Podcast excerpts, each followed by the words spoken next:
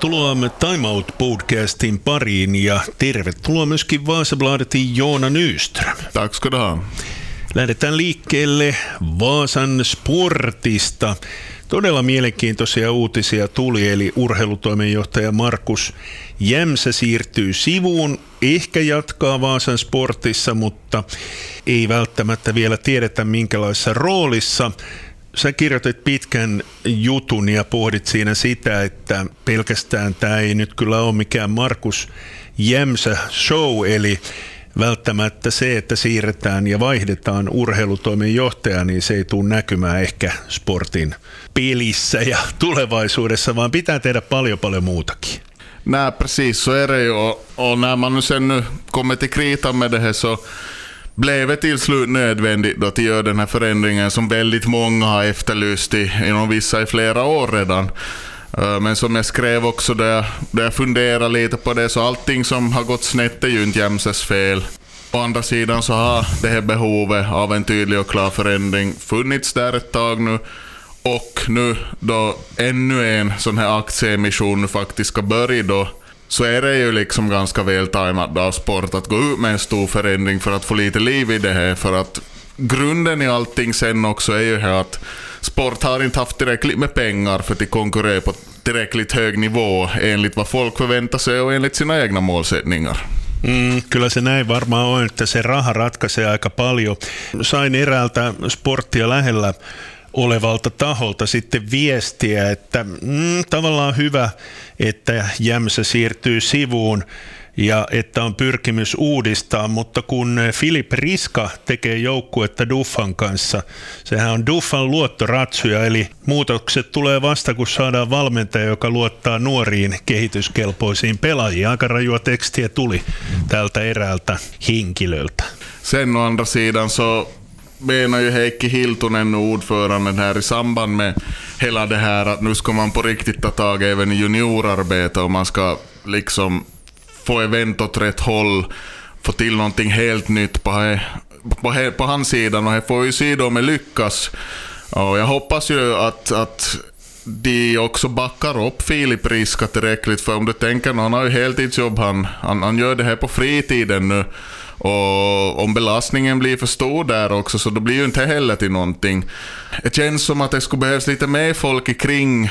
Det skulle kunna finnas någon form av styrgrupp, någon form av sån här kommitté eller vad man nu ska kalla det som skulle sköta de här sakerna för sportisar. Nu känns det som att styrelsen är ganska tunn, det är mycket folk där.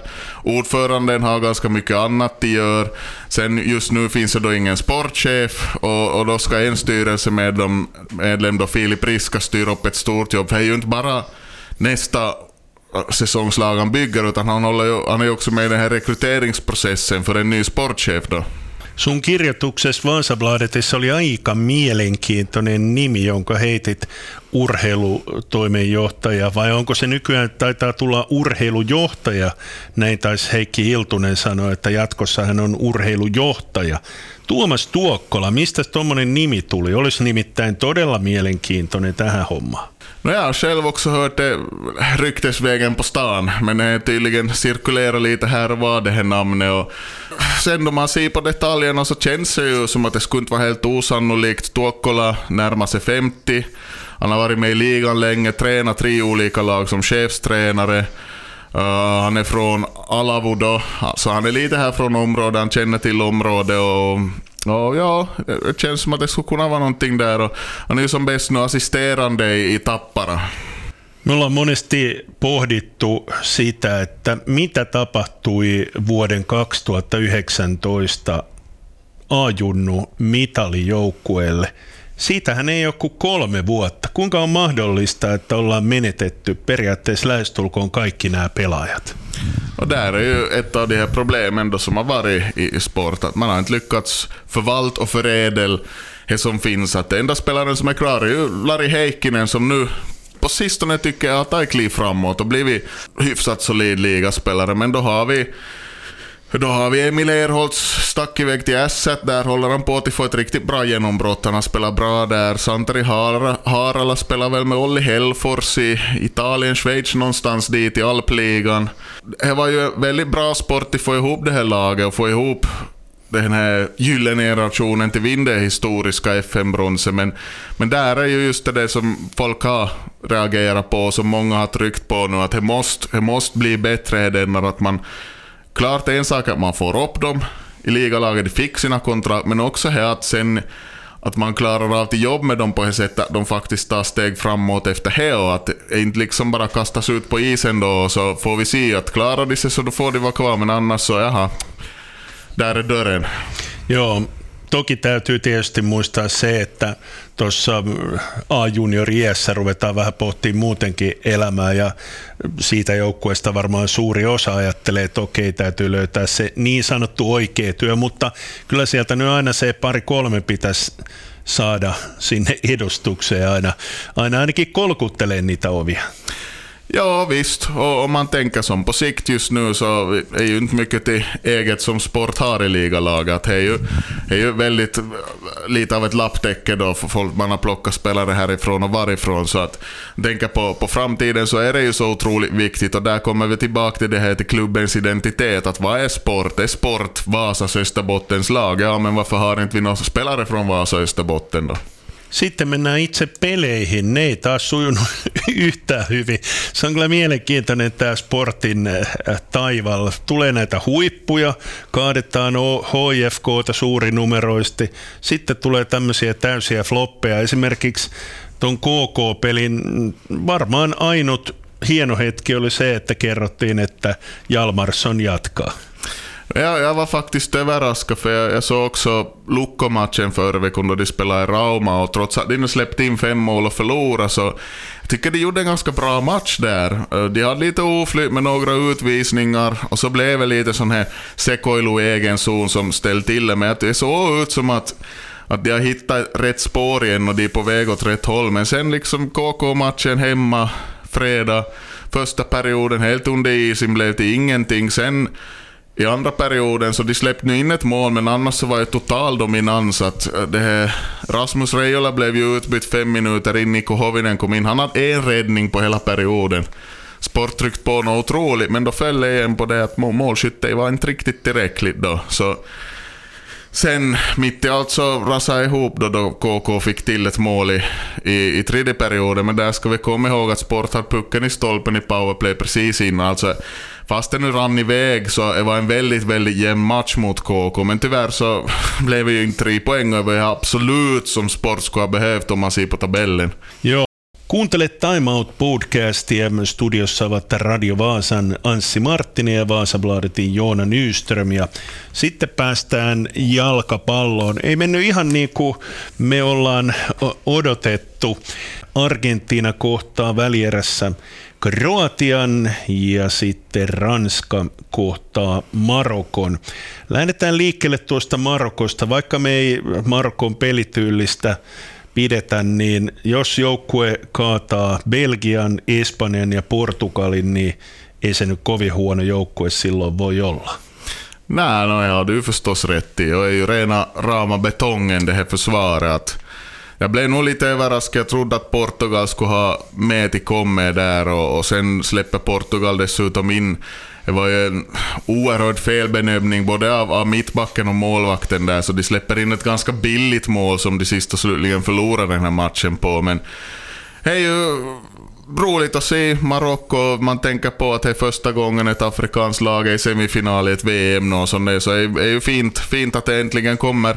Och jag tycker ändå att då man pratar om att vi gillar kanske inte den här spelstilen, det är väldigt mycket parkera bussen, det pratar vi om, men å andra sidan då så är det, får man alltid komma till den att ska man nå någonstans så måste man spela på sina styrkor. Joo, mutta Markku kyllä pikkusen niin kun näytti jopa sitä hyökkäävää peliäänkin Portugalia vastaan varsinkin. Ja, de klarar ju av det här till anfall och de anfaller med fart och de har ett bra kantspel där. Men det handlar ju om det som vi var in på, tycker jag, förr veckorna, att man ska hitta den balansen i spelet. Då. Att det går ju inte, det går ju inte tryck på hela tiden och man måste klara av ibland också bara att ta bollen och vila med bollen och på det viset skapa energi åt sitt lag. Så att som helhet så gör de väldigt solida matcher, Marocko, det är ju därför de spelar i semifinal.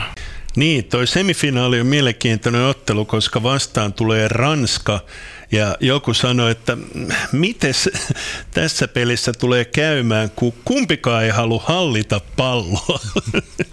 Ja, no det blir intressant faktiskt. Det, Frankrike har formstarka spelare framåt just i, i Kylian Mbappé, Olivier Giroud och Antoine Griezmann där som som kan hitta på saker på små ytor också och Giroud är ju en väldigt, väldigt bra boxstriker. Så där om, om de klarar av till mat inbollar så kan det hända saker. Å andra sidan så tycker jag ju att Frankrike är väldigt blek mot England. England klarar av att radera ut dem ganska bra. Men då kom de här några bollarna och, och just det här sättet som Frankrike gör segermålet på genom Giroud så är ju lite dåligt försvarat. Man släpper lite för lätt till nickläge framför målet. Så som jag ser det nu då, no, i och med att jag säger det här nu då vi har sagt tippa fel om allting, så säger jag Marocko har en bra chans och nu förlorar de väl 5-0, så vad vet jag. Joo, ja Argentiina kohtaa Kroatian. Kroatia voitti Brasilian. Brasilialla oli peli hallussa, mutta sitten iski jälleen se Brasilian käsittämätön homma, eli niin kuin me kehuttiin Brasiliaa siitä, että nyt on löytynyt taktisesti kypsä joukkue, niin mitä Brasilia tekee? Lähtee haahuilemaan täysin siellä jatkoajalla. Ja, det blev en mental kamp då, då man tänker på Kroatiens ganska rutinerade lag så klarar de alltid till hantera på ett bättre sätt. Och nu är det ju klart det är en överraskning, å andra sidan inte. Eh, vi sa väl också he förr att det är rutinen som kommer till sin rätt i ett mästerskap och visst nu har Brasilien och rutinerade spelare men Kroatien kanske är lite mer på det viset sammansvetsat gäng så det är att att de krigar för varandra på ett annat sätt och, och, nu känns det ju som att den här semifinalen mot Argentina att det är en väldigt låg att han också går till straffar. Joo, sitten mennään näihin ikämiehiin. Leo Messi upea syöttö, mutta sitten käsittämätöntä kiukuttelua. Nyt on ruvettu selittää jälkikäteen, että nämä sen korvan takaa heiluttelut on muka jollain lailla kommentteja siitä, että Louis van Gaal on joskus parikymmentä vuotta sitten kohdellut huonosti Messin idolia, eli täyttä puuta heinää nuo selitykset. Sitten Cristiano Ronaldo, no hänet tiedettiin tietyllä tavalla primadonnaksi kapteeni, ei jää sinne omien tukijaksi, vaan lähtee kävelemään suoraan ulos kentältä. Luka Modric sen sijaan veteraani lohdutti siellä muun muassa brassipelaajia ja kertoi, että sinusta tulee vielä vahvempi tämän jälkeen. Man måste komma ihåg att den anspänningen i sådana här matcher är enorm och det påverkar ju människor och spelare på olika sätt, men ändå, som du sa, här rutinerade vi spelar, spelare vi talar om, man ska väl nog klara att hantera sådana här situationer bättre. Att, till exempel Argentina, Holland-matchen så kokar över fullständigt där finns det inte någon enskild syndabock. Båda lagen provocerar varandra så gott det bara gick och det var ett enda härjas där på slutet. Så, men nu tycker man kanske att Messi skulle kunna också stå över det här. Samma sak med Ronaldo, klart det är sista chansen till vinn VM-guld och få det här kompletta då han vunnit precis allt egentligen som går till vinn. Klart besvikelsen är enorm då inte sker då, men samtidigt så man, man, man kan nog visa värdigheten i ändå. Och, och som du säger, man kan stanna kvar där, man kan ta motståndarna i hand och sen kan man gå till omklädningsrummet och vara förstörd så länge man behöver vara förstörd innan man kan lämna bakom sig. Så just på tal om sånt här så tycker jag det är så enormt, enormt sorgligt, jobbigt att en spelare som Harry Kane då istället blir syndabock för sitt lag då han bränner den här andra straffen för England mot Frankrike. Man tänker på proffsspelare nu för tiden, de skriver på kontrakt i konstiga länder och de hamnar i rätten för misshandel och all möjliga brott hit och dit. Och, och de är otrogen och de utpressar varandra och allt som händer. Harry Kane har bara försökt spela fotboll så gott han kan. Aldrig ställt till med någonting, men han får, han får inte vara med ända till slut någon gång. Jag, mm. jag sörjer med honom. Ja. Mutta mun mielestä Harry Kane hän ei joutunut niin pahan haukkumisen kohteeksi, koska hän on Harry Kane. Hänet tiedetään, hänen moraali tiedetään, hän taistelee loppuun asti. Omat pelaajat tuki häntä ja käsittääkseni myöskin kannattajat suurimmalta osaltaan olivat Harry Kanein takana. Ja, och det ju förstås en tröst, tröst i det här hela. Så att, och, och jag kan ju inte påstå att jag är så objektiv i den här frågan. Jag, jag, jag medgav ju här redan i något skede att det handlar om en av, en av mina personliga husgudar. Så att, ja, no, det ska bli jätteintressant att se nu. Kroatien känns plötsligt hetare än på länge förstås, det har gått så här långt. Minns i förra VM så de, de, de kämpade sig igenom straffläggning på straffläggning och de var helt sönderskjutna sen i finalen mot Frankrike. De, var, de hade skador och de hade spelare som helt enkelt bara inte orkade till slut. Så att kanske de har till och med en ännu bättre chans nu till knipa det guldet. Käydään lyhyesti läpi vielä hiihto. Kerttu Niskanen tuli ja voitti ja uskon, että Iivokin sieltä vielä nousee voittajiksi, eli tutut nimet tulevat olemaan Suomen turvana hiihdossa. Se, mikä tietysti aina huolestuttaa, on se, että tuo vapaan hiihtotapa ei näköjään suomalaisia oikein kiinnosta. Inte heller. Joo. Ja, nej, no, vi har väl kanske Remi Lindholm som skulle kunna vara på gång där på, på fristilen. Och, ja, Kerttu Niskanen, bra insats. Sen tycker jag att stora utropstecken är ju förstås Johanna Matintalo då, som går upp på pallen i, i sprinten där.